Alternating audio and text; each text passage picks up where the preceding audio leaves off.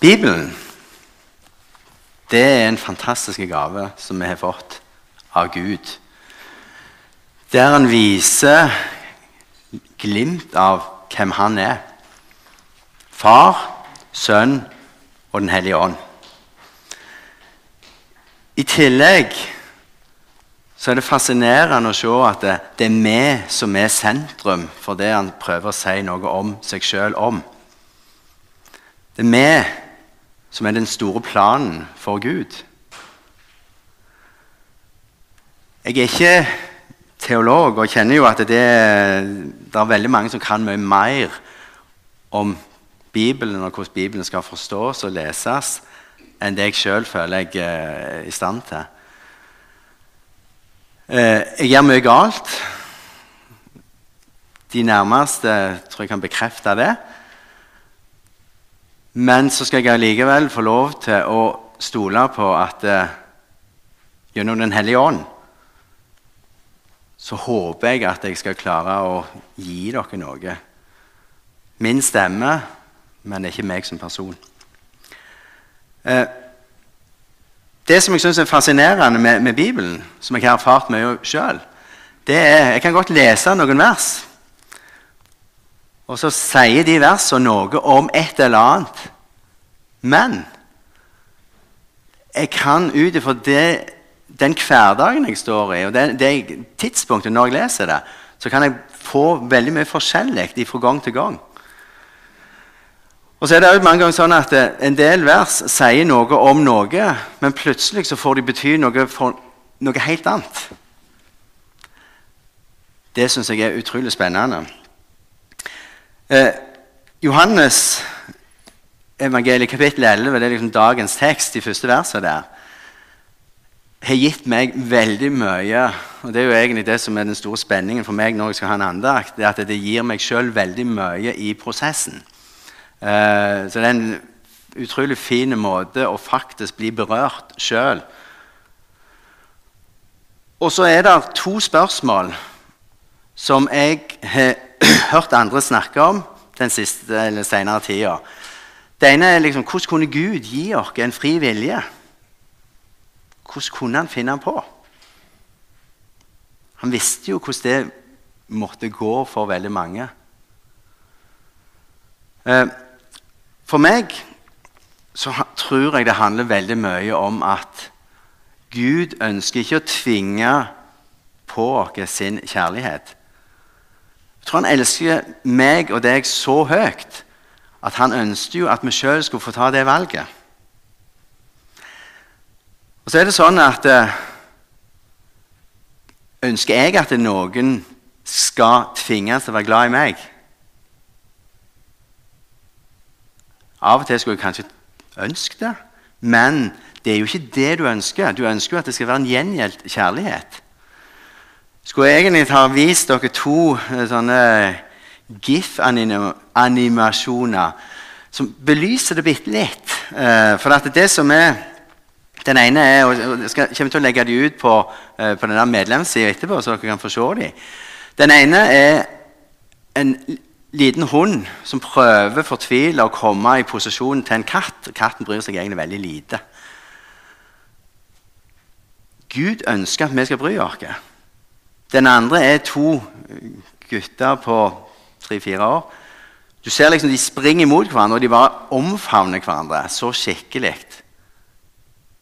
Gud ønsker relasjon. Man ønsker det skal være en gjensidig relasjon. Et, en ønska relasjon òg fra vår side. Den andre spørsmålet det er Jesus helt Gud og helt menneske. Kan vi virkelig tro at Jesus var helt menneske? Og så er spørsmålet hvorfor skulle han være helt menneske? Det som jeg er blitt litt rolig for i forhold til akkurat det siste, det er jo at jeg tror faktisk at igjen Jesus elsker oss så høyt at han ønskte å få lov til å kjenne alt det vi opplever som mennesker. Alle våre følelser, hele spekteret. Sorg, glede, savn alt. Ja, jeg tror på en allmektig Gud. Ja, jeg tror at han visste veldig mye av dette. Men for meg som menneske, som ikke klarer å tenke helt som Gud, så er det faktisk utrolig godt å tenke på at det var litt av grunnen til at Gud ble menneske gjennom Jesus. Og så er det en veldig forenkla eh, greie. Jeg vet det. Men jeg opplever at det vi nå skal lese, faktisk gir en veldig sånn mening i lys av de to, eh, to tingene som jeg nå snakket litt om. Begynner med fra kapittel, nei, kapittel 11 Johannesevangeliet, vers 1-5. Kapittelet handler jo om når Jesus vekker opp Lasarus ifra de døde. Les de første fem, eh, fem versene. Det var en mann som var syk, Lasarus fra Betania, byen som Maria og hennes søster Martha bodde i. Det var Maria som salvet Herren med salve og tørket føttene ham med sitt hår. Det var hennes bror Lasarus som var syk. Søstrene sendte så nå bud til ham og sa, 'Herre, se, han som du elsket, er syk.' Men da Jesus hørte det, sa han, denne sykdommen er ikke til døden, men til Guds ære, for Guds sønn skal bli æret ved den. Jesus elsket Martha og hennes søster og Lasarus.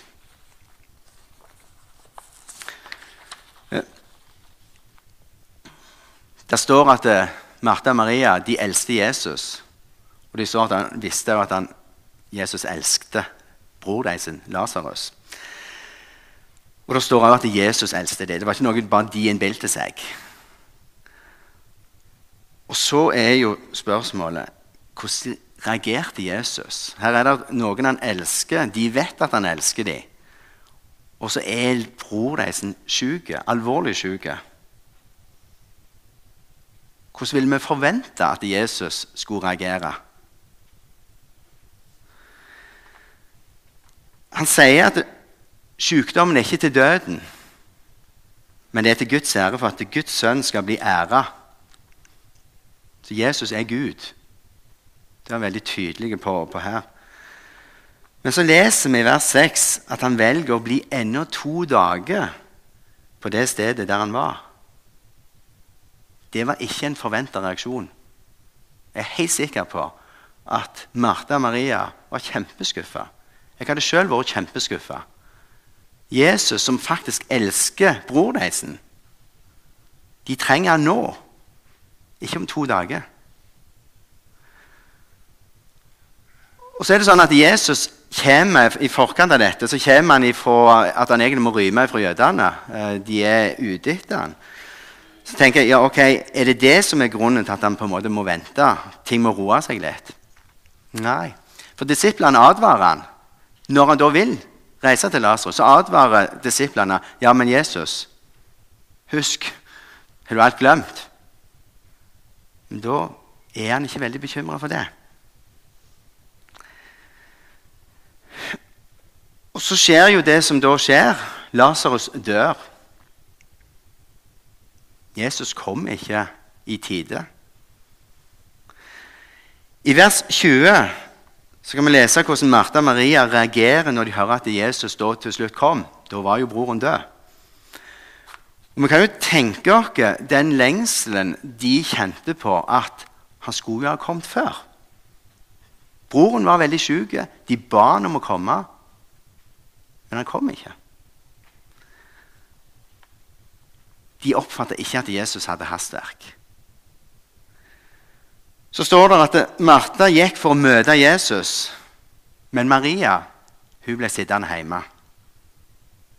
De reagerer forskjellig.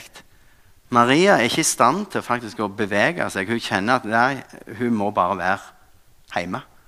Martha handler. Hun går mot Jesus. Og så står det at Martha, jeg antar med en betydelig bebreidelse i stemmen sier i vers 21.: Herre, hadde du vært her, da var min bror ikke død. Men så fortsetter hun i vers 22. Men også nå vet jeg at alt det du ber Gud om, vil Gud gi deg. Midt i den fortvilelsen som Martha var midt oppi, så kjente hun Jesus. Og, og hun ser at det, til tross for at broren er død, så er det et håp. Jesus har en relasjon til Gud, og hun kjenner at dette får hun lov til å legge i Jesus sine hender. Hun visste hvem han var, og hun visste at Jesus var glad i hun, søstera og broren.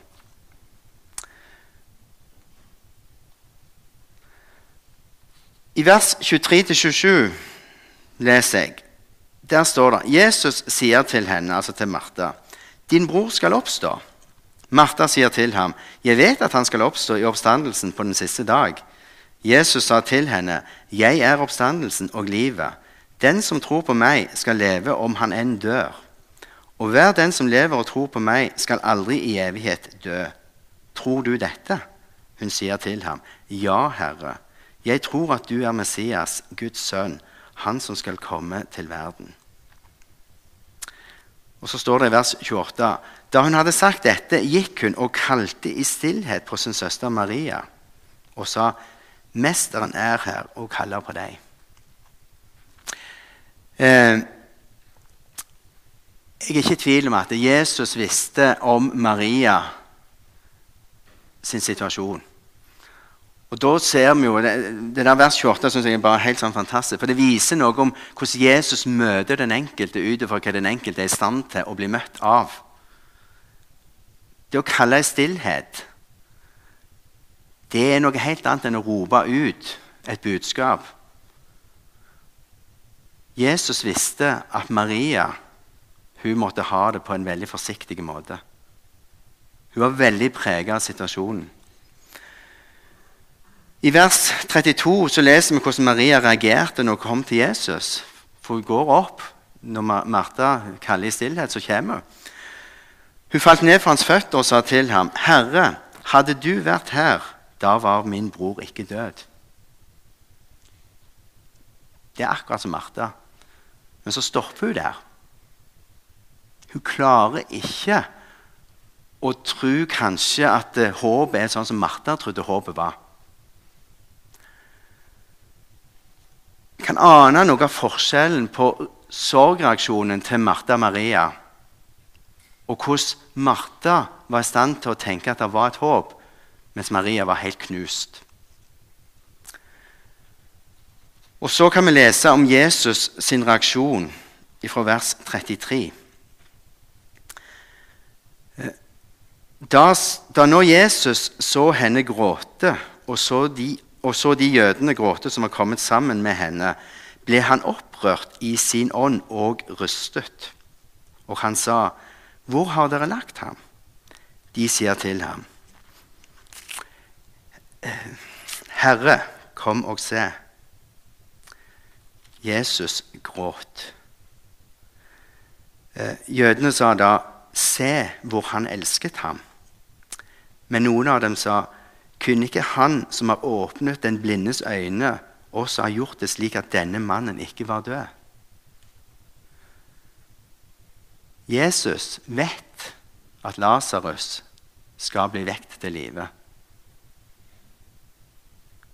det guddommelige i Jesus, at han er helt Gud, vet det. Men allikevel så er han helt menneske. Så han, han lever seg inni den samme sorgen som det Martha og Maria kjenner på. Og det har gjort et veldig inntrykk på meg. Jo mer jeg har lest det, og dette verset med at Jesus gråt, det kjenner jeg er enormt sterkt. Og jeg merker nok at uh, det er noe med tårer. Jeg tror tårer har en helt spesiell reaksjon. Vi ser jo at Jesus han ble veldig prega av det. Og vi ser jo at når Jesus da tyr til tårer, så ser alle se hvordan han elsker Lasarus. Tåren var liksom et bilde og merker For min egen del så er tårer noe som gjør et veldig inntrykk på meg. Sier mer enn tusen ord. Og spesielt når jeg vet litt av den smerten som kan ligge bak noen tårer. Og så får vi lov til å se Jesus som menneske. I Getsemane så var han òg det. Han følte, opplevd han var forlatt av Gud. Han kjente på den der savnet, den der ensomheten. Da var det mye hans egen smerte. Med Lasarus Ja, Jesus var glad i Lasarus. Han elsket han. Så klart det var en egen smerte òg. Men i enda større grad så var det den smerten som han så hos de rundt Lasarus. Han fikk lov til å kjenne veldig på. Det gjorde et enormt inntrykk på Jesus, og Jesus' reaksjon gjorde også et enormt inntrykk på de som var rundt ham. Så er vi dette med å vente. Martha og Maria de venta på Jesus. De opplevde at de venta forgjeves, kanskje. Så ser vi jo hvordan det gikk.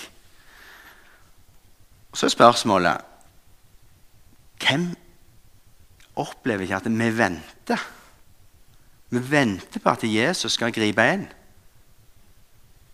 Det kan være alt mulig. Det kan være sykdom, det kan være død, det kan være ensomhet. Altså, Det er alle spekter som vi venter på at Jesus skal gripe inn. Og så er spørsmålet kan denne historien være til hjelp for oss når vi venter. Ofte er vi ikke i stand til å se et håp, sånn som Maria. Jeg tror ikke hun tenkte tanken på at broren kunne bli vekt opp til live igjen. Martha var i stand til å se håpet. Vi reagerer veldig forskjellig. Kanskje ut ifra erfaringer. Vet ikke. Men jeg håper at denne historien kan være til hjelp for de av dere som kjenner Å, når skal det skje noe? Når skal Jesus møte meg i forhold til mitt behov, eller i forhold til naboen sitt behov, eller ungene sitt behov? En vis mann Jeg hørte bare sitatet, og jeg fikk ikke med meg hvem det var. Men, men, han, men han skrev, sa noe om at ventetida utvider vårt hjerte, sånn at vi kan ta imot mer av hans godhet. Den tror jeg jo de fleste som har opplevd at de har venta, og de opplever at ja, til slutt så kjenner de Vet du hva? Nå fikk jeg igjen for det å vente. Jo lenger du venter på noe, jo mer setter du pris på å få det. Så jeg tror det er noe i det denne vise mannen uh, uttalte. Utfallet av ventetida ble godt for Martha og Maria. Selv om de håndterte ventetida veldig ulikt. Og selv om de kanskje ikke var i stand til å forstå at ventetida endte godt. De trodde jo at det var for seint når Jesus til slutt kom, selv om Martha sa at det, ingenting var mulig for Jesus pga. hans relasjon til Gud. Men så tror jo jeg at det, det er mange som tenker sånn som det står i vers 37. At de venter forgjeves. Og så blir det en viss bitterhet i form av at det, kunne ikke han, kunne ikke Jesus ha grepet inn? Og så er det jo sånn at eh, dette med ventetid, det er noe spesielt. unge, når du var unger, og de som har hatt unger og har unger Julaften er jo på en måte sånn typisk, Der venter du på noe veldig godt. Du vet at det er veldig godt. Det er på en måte en gjenkjennelse i det, for at du har opplevd det før. Ofte er det som er vanskelig, det er noe helt annet. Det er noe du opplever at du har ikke kontroll på sjøl. Du kjenner bare en enorm smerte. Sjøl har jeg blitt ganske forskånt for de der dype, dype smertene. Men det er klart, det er ingen som går gjennom livet uten å kjenne på mm, Nå er det tøft. Nå er det vanskelig. Og så er det sånn at jeg for min egen del kjenner er enormt glad for at jeg skal få lov til å legge den ventetida i Jesus sine hender. Og så håper jeg at han faktisk har kontrollen. Til nå har jeg bare godt å si om det, men jeg vet at det er mange som er i, en annen situasjon. Og så er det jo sånn at Vi må ofte gjøre oss litt erfaringer med Jesus for at vi skal kunne klare å ha et håp. Martha og Maria begge to hadde erfaringer med Jesus. Den ene så håpet, var i stand til det.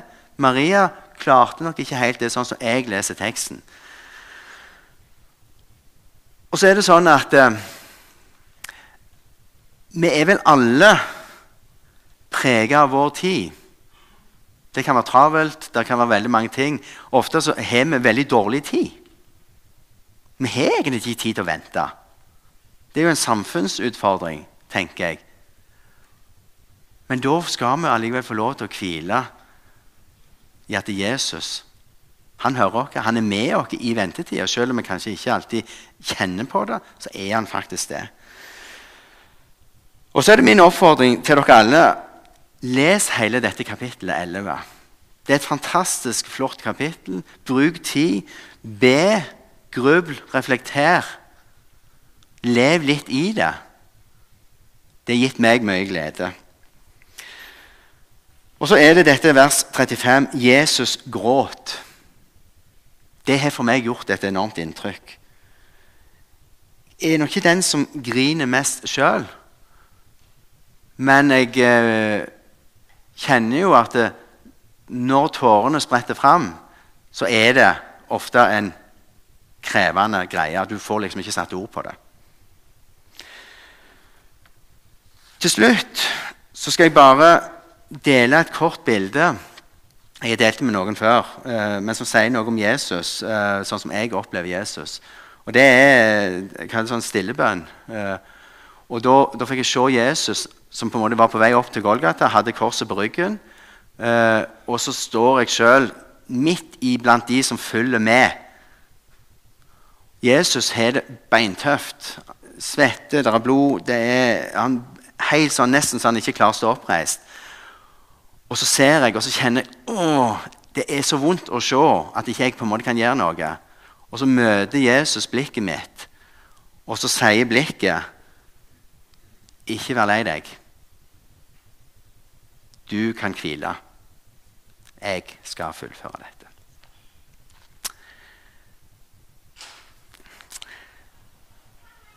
Kjære Jesus, takk for at du er den du er. Takk for at du er helt Gud, og du er helt menneske. Takk for at du kjenner på vår smerte. Takk for at du er den som kan gripe inn. Takk for at du er med oss i ventetida. Bare lyst til å be om at du må velsigne hver enkelt rikt. La de få lov til å erfare og kjenne hvem du er, Jesus. Amen.